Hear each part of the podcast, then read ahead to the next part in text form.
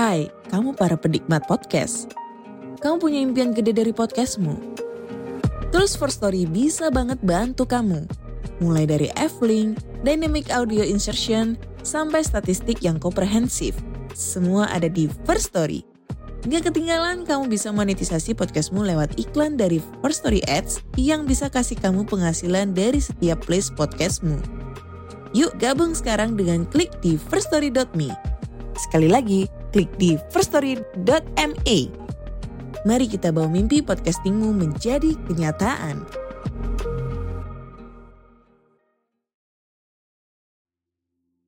Lisir wangi Seliramu tumaking sirno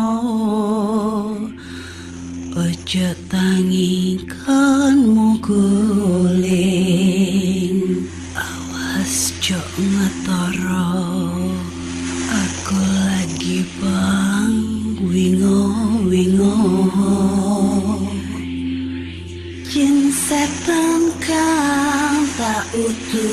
Hai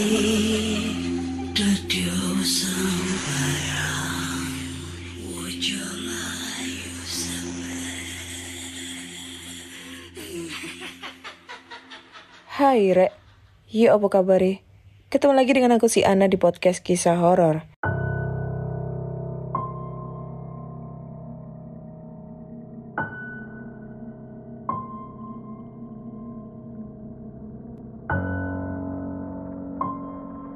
Di episode kali ini aku akan bacakan cerita horor ataupun email berhantu yang sudah dikirimkan teman-teman melalui podcast kisah horor at gmail.com atau di Instagram podcast kisah horor serta Google Form yang lainnya tersedia di bio Instagram podcast kisah horor. Jadi kita langsung aja bacakan cerita horor yang sudah masuk ke email dan cerita ini datang dari Gendra. Judulnya adalah KKN featuring Astral. Hai Kak Ana, perkenalkan namaku Gendra. Jadi ini pengalaman ketika KKN dulu pada tahun 2016. Aku mahasiswa di salah satu kampus negeri di Jogja. Waktu itu KKN selama sebulan penuh di daerah Gunung Kidul, Yogyakarta. Saya mau cerita minggu pertama di lokasi dan seterusnya. By the way, lokasi tempat KKN saya dulu terletak di desa wisata terkenal di Patuk, Gunung Kidul. Saya dan rekan-rekan kelompok ditempatkan di rumah bekas Bapak Kades sebelum beliau pindah ke rumah barunya. Notabene rumah ini udah empat tahunan gak dihuni. Nah, kalau kalian ada yang sering main ke Gunung Kidul, lebih tepatnya ke pantai-pantainya yang dari arah Jogja pasti ngelewatin ini rumah. Iya, rumahnya samping jalan persis jalan Jogja Wonosari. Di seberangnya ada makam pahlawan yang terkenal di daerah situ. Nggak ada yang bakal nyangka rumah deket keramaian gini, bahkan kita yang mau tinggal nggak pernah menyangka bakal ada hal-hal yang di luar nalar terjadi di depan mata kita. Oke, sedikit gambaran tentang rumah ini ya. Jadi ini rumah depannya persis jalan Wonosari Jogja.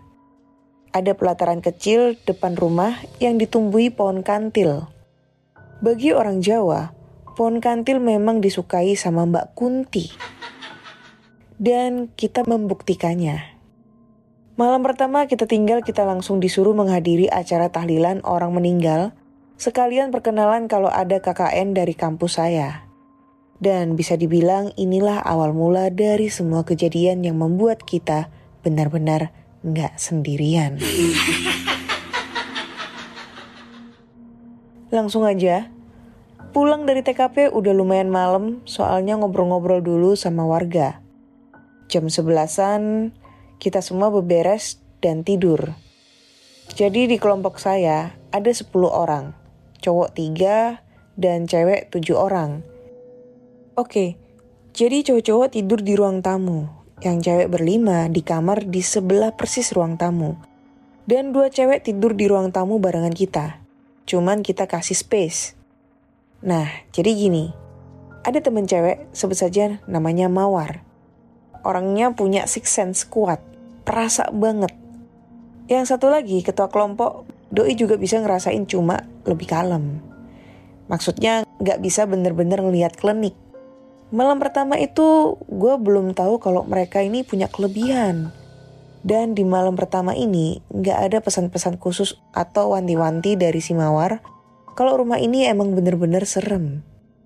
Mungkin Doi dulu nunggu momen yang tepat biar kita bisa selesai KKN. Jam 12-an lebih dikit kita tidur setelah briefing sebentar buat proker kita besok paginya. Gua sama ketua gua sebut saja Sukon masih terjaga. Doi gamer akut. Waktu itu asik-asiknya COC-an. Sedang gua lagi balas-balasan chat sama gebetan. Jadi di ruang tamu ini, sebelah kanannya ada jalan kecil masuk dapur dan dua kamar kosong. Yang sebelah kanan buat naruh barang-barang kita dan sebelah kirinya nggak ada yang tahu isinya apaan. Dari kita survei tempat, emang udah dikunci dari sananya. Nah, jalan ke dapur ini gelap banget. Dapur juga nggak ada penerangan. Kalau kalian pernah lihat dapur orang-orang Jawa kuno, ya persis kayak gitulah. Namanya pawon. Khas banget dapur model orang Jawa. Gue sama Sukon sebelahan. Doi di tengah, gue sebelah kanannya. Di sebelah kiri teman gue, namanya Hadi. Gak ada suara sama sekali malam itu kecuali beberapa kendaraan yang melintas jalan raya. Tiba-tiba, ada suara berisik dari arah dapur. Kita masih stay cool dong, biarin aja, paling kucing. Rada lama tuh suara, kayak suara orang berjalan. Jelas banget. Kita berdua tatap-tatapan. Sukon lalu bilang, Dra, tidur yuk. Gue tahu maksud dia. Dia juga ketakutan. Bener-bener dibuat merinding. Tutup HP, langsung baca doa, sama kerukupan selimut. Dan suara itu lambat laun ngilang. Kita bangun pagi tanpa cerita kejadian semalam sama teman-teman yang lain. Nah, di hari kedua, ini kita bener-bener sehari full proker. Sampai malam. Habis Isya, kita diundang acara koperasi bapak-bapak gitu. Di RT 7, ya satu dusun ini luas banget lah. Rada jauh dari posko kita. Dan kita pulang malam lagi sambil perkenalan. Skip-skip sekitar jam 11-an, kita baru pulang dan nyempetin waktu sebentar buat briefing lagi buat besoknya dan evaluasi proker hari pertama. Kita tidur jam 12 kurang dengan formasi masih sama. Gua sama Sukon masih terjaga. Doi ngegame, gue cecetan. Dan di hari kedua ini, si Mawar juga nggak ngasih pesan apa-apa. Gue yakin banget kejadian kemarin pasti Doi tahu. Cuma pas posisi ini guanya belum tahu kalau dia punya kelebihan. Doi masih ayam-ayam aja. Makin malam Sukon rada berisik karena ngegamenya. Gue yang udah pasang headset sambil merem, melek, tiba-tiba doi. Anjing! Sambil ngerukupin bagian kepala sama selimut. Di sini gue kira doi emosi karena kalah.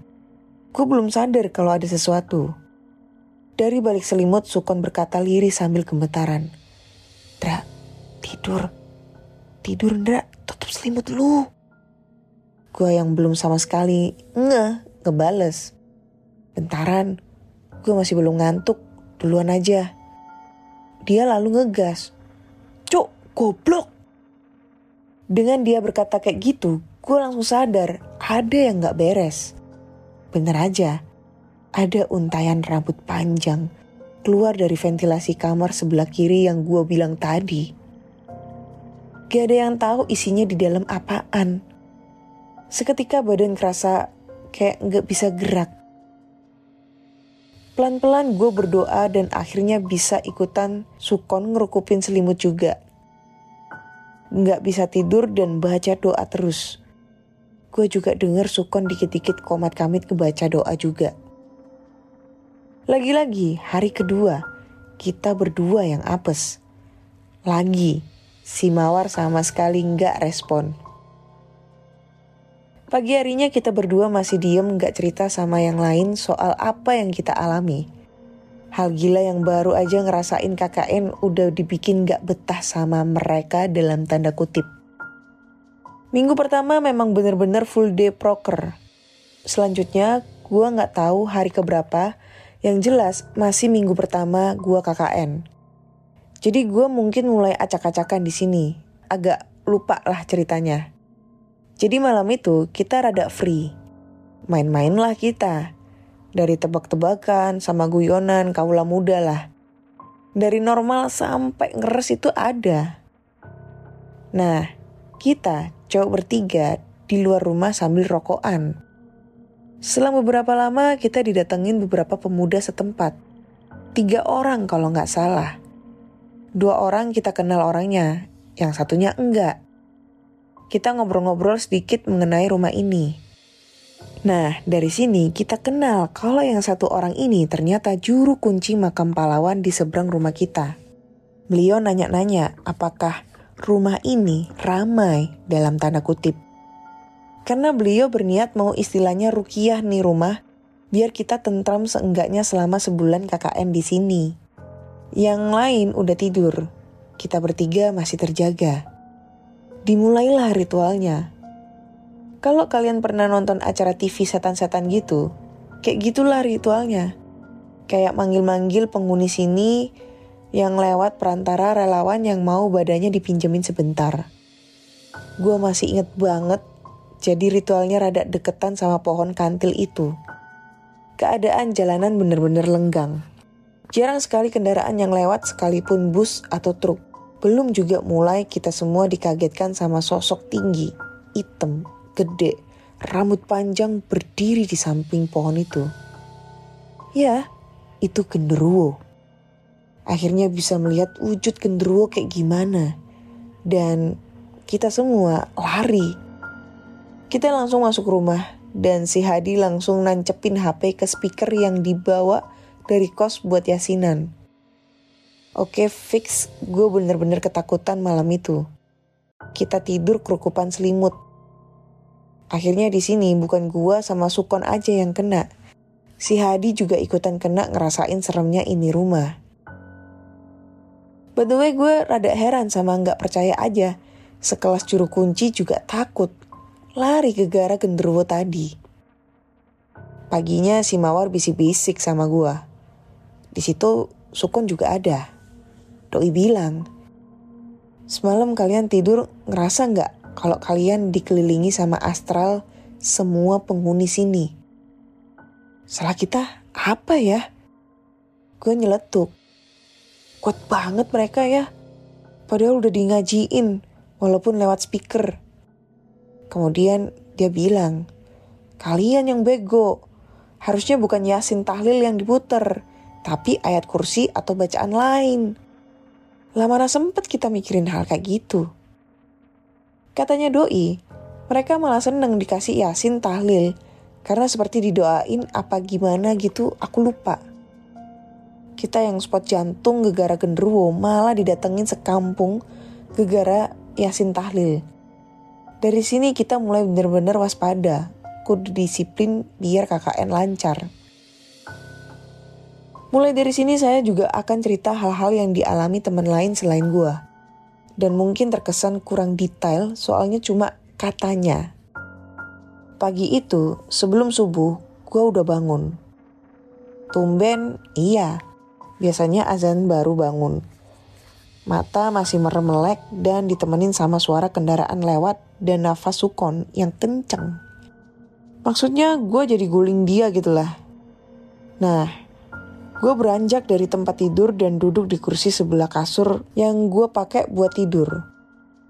Sambil ngucek-ngucek mata sama buka HP gue yang banyak notif WA sama BBM yang belum gue baca. Gue kasih gambaran. Jadi kursi ini itu ngadepnya ke depan arah gue tidur dan sebelah kanan itu jalan masuk ke dapur. Lagi asik-asiknya main HP, gue denger suara kayak orang manggil-manggil. Tapi itu pelan. Gue masih berpikir jernih. Ini masih pagi dan gue juga belum sepenuhnya melek. Perasaan gue doang mungkin. Pikir gue waktu itu. Tapi lama-lama kalau didengerin kayak orang ngobrol. Iya, gue gak sendirian. Makin lama suara itu ngilang mereka kayak berhenti gitu. Gue berdoa supaya cepet denger azan dan sholat. Gue mau bangunin Mawar, tapi takut ganggu, kasihan juga. Dia tidurnya pules banget. Mau bangunin Sukon, yang ada ntar malah takut juga. Oke, gue balik posisi tidur dan pasang headset. Kali ini dengerin orang ngaji. Azan pun terdengar. Alhamdulillah beberapa teman juga udah bangun. Jadi udah rame. Si Mawar juga bangun. Kita ambil wudhu di kran depan rumah dan sholat subuh jamaah. Hari itu jadwal gue pergi ke pasar sama temen gue namanya Visna. Jadi gue sengaja berangkat masih petang biar sekalian jalan-jalan gitu ke pasar. Jadi pulangnya gak siang-siang banget. Gue ngambil motor yang ditaruh di garasi sebelahan sama dapur. Gue ambil jaket, parfuman, terus berangkatlah ke pasar. Nah, pas jalan ke arah dapur, asli, hawanya nggak enak. Gue langsung merinding, ditambah gak ada penerangan juga. Dan bener, di balik pintu dapur, ada kepala nengok. Kaget dong aku, mukanya nggak enak banget. Gue langsung balik arah, lari kecil-kecil lah. Dan ditanya sama Sukon. Lu kenapa? Gue jawab, enggak, dompet ketinggalan. Lalu Visna bilang, ayolah berangkat. Lalu gue ngeletuk kan, bentaran ya, biar ada terang. Gak tau kenapa, dingin banget. Alasan gue waktu itu. Doi ngeiyain aja ajakan gue tadi. Keadaan gue masih shock waktu itu gegara kaget sekaget-kagetnya. Tapi untung langsung bisa balik badan dan gue minum dan istighfar.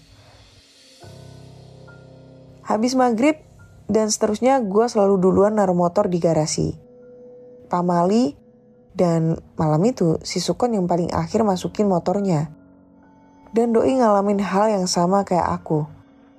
Di tempat yang sama dan kenapa gue tahu Soalnya doi cerita sama gue besoknya. Jadi, malam itu dia habis dari mana itu aku lupa. Naruh motor dan sebenarnya belum malam banget. Jam 8 atau 9 mungkin. Karena nggak tahu paginya gue ngalamin hal begituan, doi santai-santai aja. Gue dengar suara motor dia masuk dan distandarin motornya. Kemudian, gak selang lama, doi lari kencang. Kita yang masih melek kaget juga nanyain dia pas udah di ruang tamu. Lu kenapa lari-lari? Enggak, gue kaget tadi ada tikus gede banget. Jijik gue. Sambil nafasnya terengah-engah, gue langsung tahu apa yang barusan dialami dia. Tapi gue diem. Pas mau tidur, gue nanya sama dia perihal kejadian barusan. Dan jawabannya, gue ngeliat pala nongol di pintu masuk pawon. Kayaknya kepala perempuan. Fix, berarti emang ada sosok penunggu di situ. Dari sini gue mulai memetakan titik mana aja yang ada penunggunya. Dan gue belum tahu siapa-siapa aja mereka ini. By the way, beberapa teman gue lebih sering diganggu pas di kamar mandi. Paling parah ketika di kantil. FBI Sebenarnya gendruwo kantil yang gue ceritain kemarin bukan penunggu asli atau bisa dibilang bukan yang kuat. Setelah kejadian gue sama Sukon kemarin, kita baru bisa cerita sama Mawar. Dan ternyata Doi mengiyakan. Doi udah tahu dari awal di sini banyak penunggu dan di tempat-tempat berbeda mereka bersemayamnya. Doi juga bilang kalau nenek-nenek di pawon itu adalah sosok yang paling kuat. Untung kita cuma diliatin mukanya. Tapi muka aja udah cukup banget menggambarkan betapa sosok ini memang sangat berbahaya kalau kita salah langkah. Dari pengalaman ini gue dikasih pesan sama Mawar, tiap selesai sholat maghrib, kita kudu baca Quran. Dan baca surat An-Nas, Al-Ikhlas, dan sebagainya. Karena doa-doa inilah yang bisa kita pakai biar kita nggak digangguin setidaknya jangan sampai kita kerasukan atau kena fisik. Nah, kalau di kamar mandi ini, paling sering apes itu teman gue namanya Widya. Doi beberapa kali cerita sama gua sama si Mawar kalau sering banget ngelihat segelibet bayangan atau ketawa mbak-mbak kalau lagi cuci muka sebelum tidur. Gue jujur naruh hormat sama dia. Berkali-kali digangguin, tapi tiap malam mau tidur fine-fine aja. Dia pernah bilang, yang penting jangan sampai nongol, udah. Atau nyerang fisik, gue masih berani. Tapi akhirnya Doi tetap kalah sama Mbak Kunti yang di kantil.